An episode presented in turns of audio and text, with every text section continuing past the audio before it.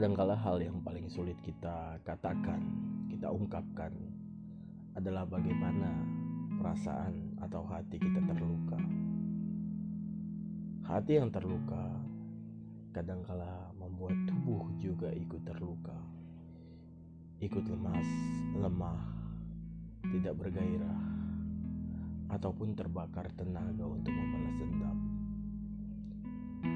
Hati yang terluka adalah sesuatu yang absurd, sekaligus pasti, dan tidak ada satupun dari kita yang terhindar dari yang namanya sakit hati. Sahabat terkasih, selamat datang, selamat mendengarkan ceramah tengah malam, bagian pertama, episode awal dari podcast ini. Kita akan membicarakan sakit hati kemudian mendiskusikan apa kira-kira yang bisa membuat kita menyembuhkan luka itu. Tetap di ceramah tengah malam, Jakarta after midnight.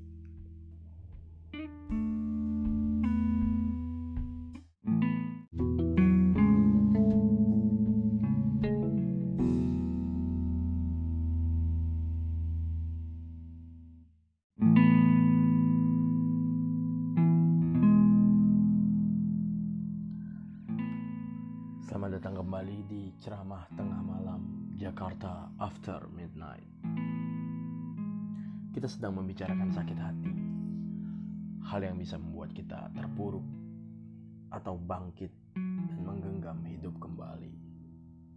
Membicarakan sakit hati, tiba-tiba saya teringat tentang puisi yang dibicarakan oleh dosen saya ketika saya kuliah di semester awal. Kuliah mengambil S1 puisi karya Hairil Anwar berjudul Penerimaan. Kalau tak salah begini. Kalau kau mau kuterima kau kembali dengan sepenuh hati. Aku masih tetap sendiri. Ku tahu kau bukan yang dulu lagi. Bak kembang sari sudah terbagi. Jangan tunduk tentang aku dengan berani. Kalau kau mau kuterima kau kembali Untukku sendiri tapi Sedang dengan cermin aku enggan berbagi Dosen saya kala itu bernama Sri Suhita Dosen puisi, apresiasi puisi nama nama mata kuliahnya.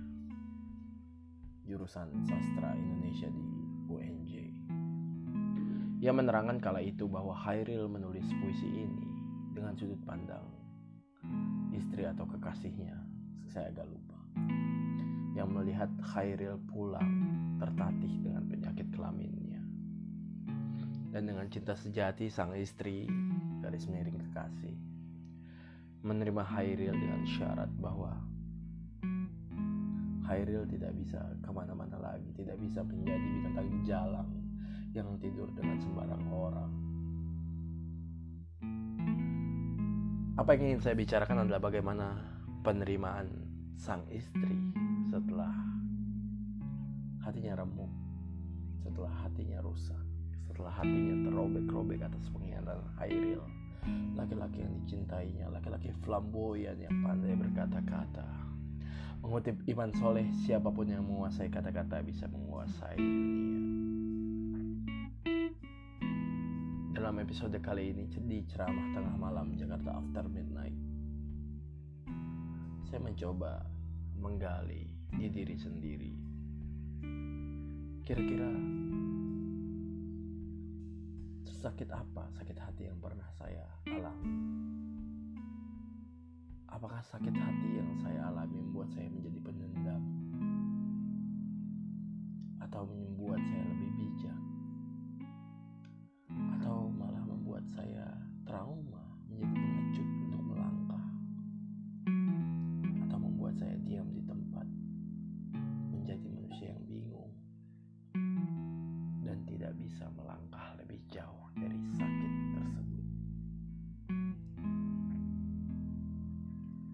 agak sulit kiranya melihat sakit hati tapi hal yang paling tebal dalam ingatan tentang sakit hati adalah ketika saya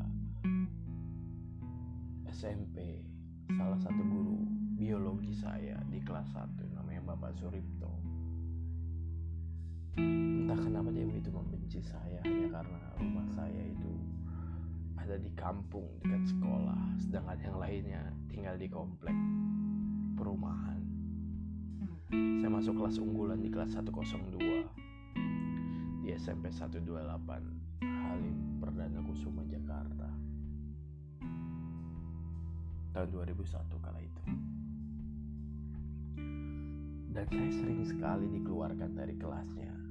Dan pada saat saya keluar informasi yang saya dapatkan dari teman-teman adalah ia berbicara menjelek-jelekan saya dan kampung saya. Ada apa pak? Apa yang membuat bapak begitu membenci saya dan rumah saya dan kampung saya serta orang-orang yang tinggal di sana Ingatan saya juga merujuk pada bahwa Pak Ripto saat itu pernah tinggal di kampung tersebut. Mungkin dia punya kenangan buruk, mungkin dia punya sakit hati yang ia pendam oleh kampung itu dan dilampiaskan kepada saya.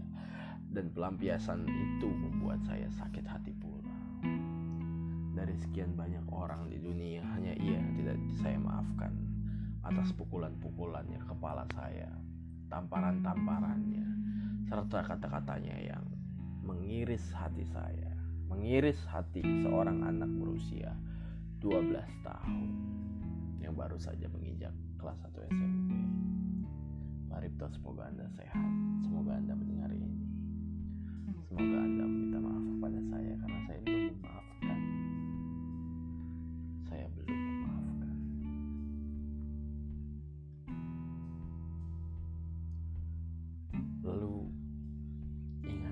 Tebal lainnya. Saya rasa ketika tahun 2009 atau 2010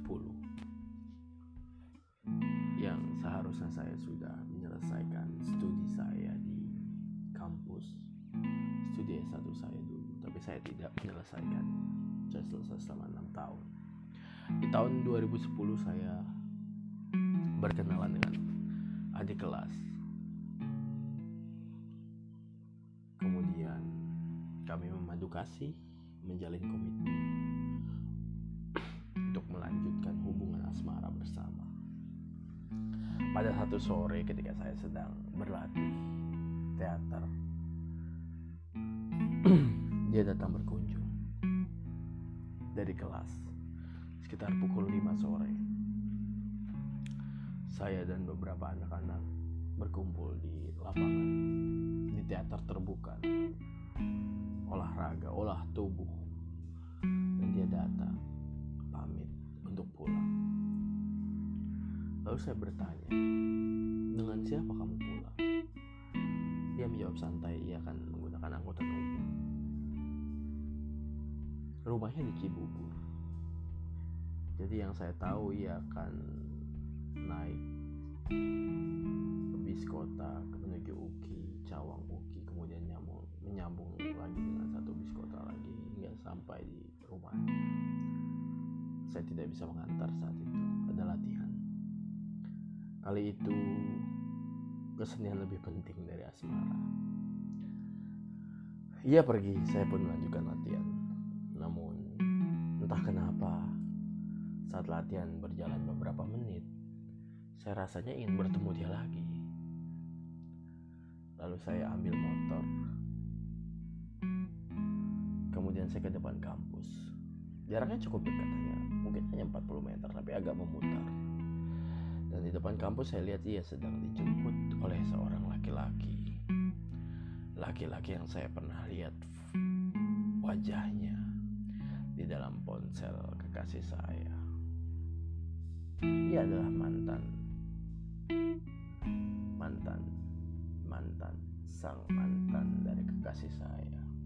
Dan kali itu saat itu emosi saya terbakar, darah saya mendidih saya memutarbalikkan sepeda motor.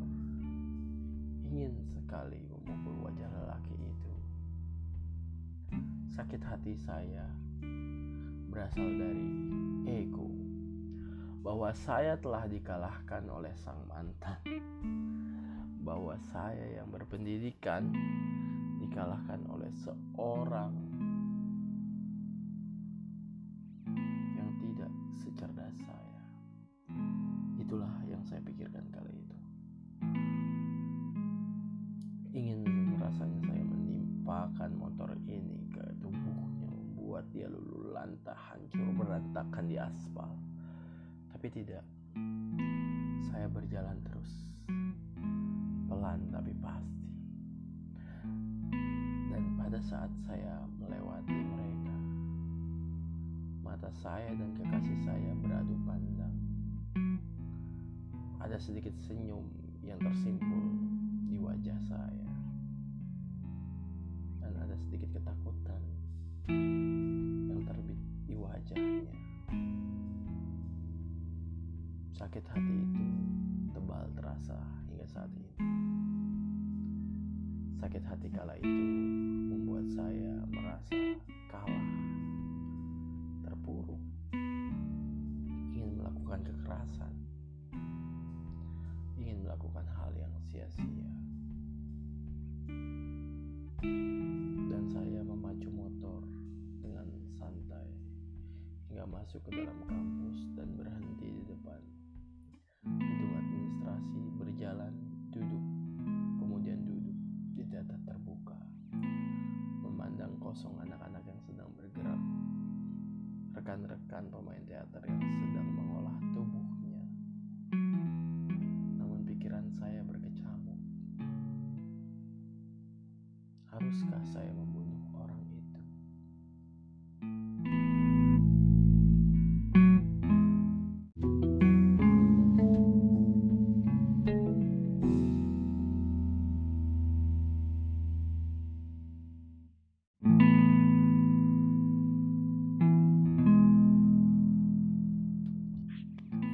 saya bisa menguasai diri.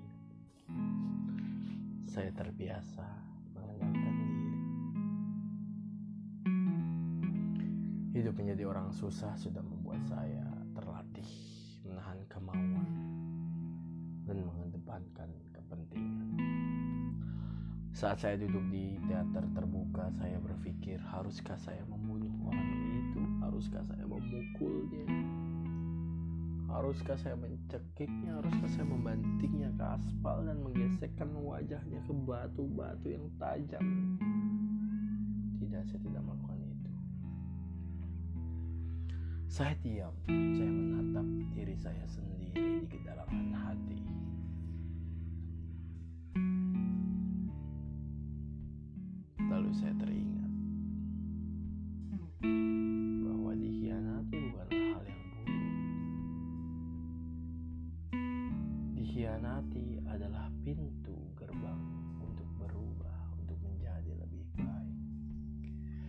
Dikhianati adalah tanda yang paling jelas yang diberikan Tuhan untuk memberitahukan kita bahwa orang ini tidak pantas untuk dicintai lebih jauh. Dan dalam diam Tuhan berbicara kepada saya dengan bahasanya sendiri yang dekat, yang intim, yang lebih dekat dari urat nadi saya. Suaranya begitu jelas mengalahkan saya yang berdebar kala itu.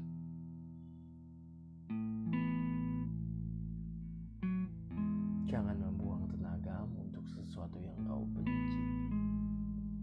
Berikan tenagamu untuk hal yang kau cintai.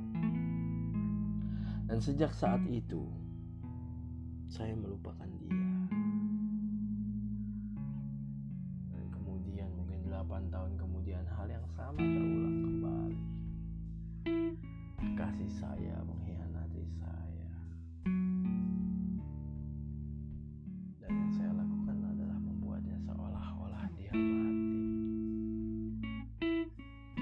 Saya tidak mau membuang umur saya, membuang pikiran saya pada sesuatu yang tak layak saya pikirkan, saya perhatikan seperti sebuah pengkhianatan.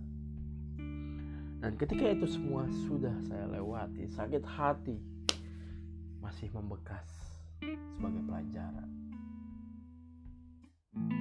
Sakitnya tak lagi berdenyut, tapi bekas lukanya memberikan saya ingatan bahwa ada hal yang lebih baik dari sekedar mencintai manusia.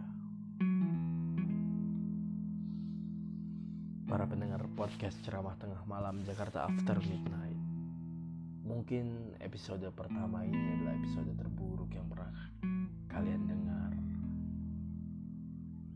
Tapi tak ada awal yang baik. Tak ada permulaan yang cemerlang.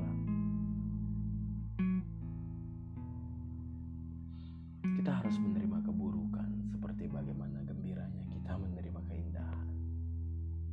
Karena hal yang buruk membuat hal yang indah itu berarti. Dan hal yang lebih indah membuat segalanya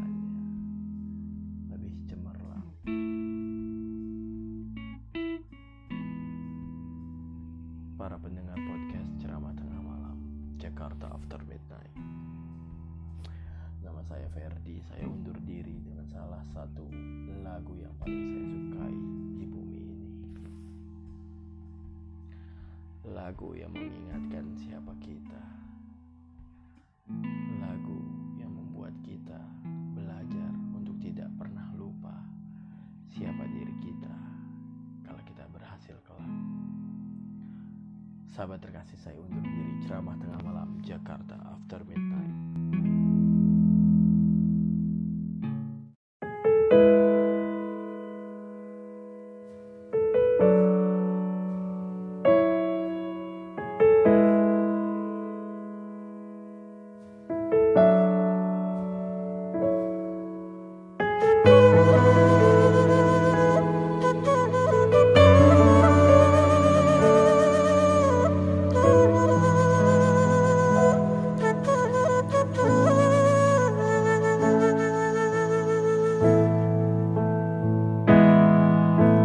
Mardalanau Marasada sada Laos dilang langi doau Tarlungun lungun Manete kiluki daina Dasi mata Maraningot kaki daina Laso maruju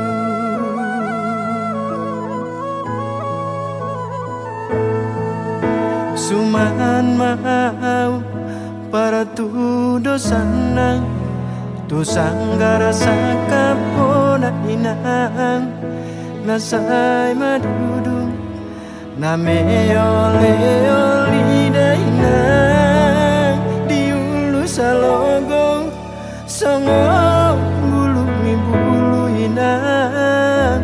Nasay madudus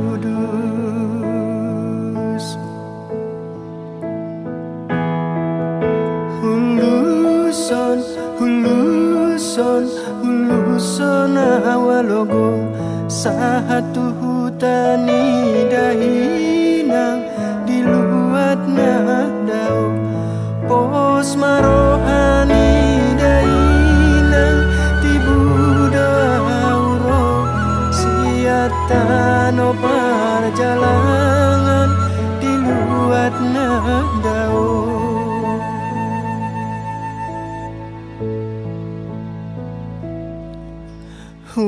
Hue dainang, hue dainang, hue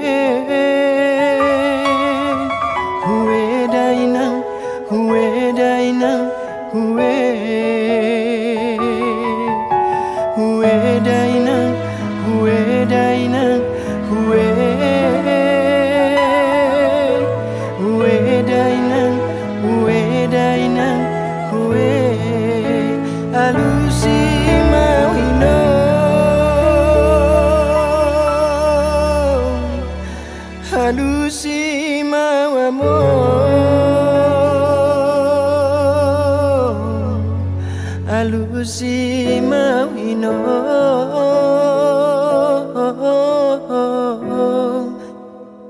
Na jauh jauh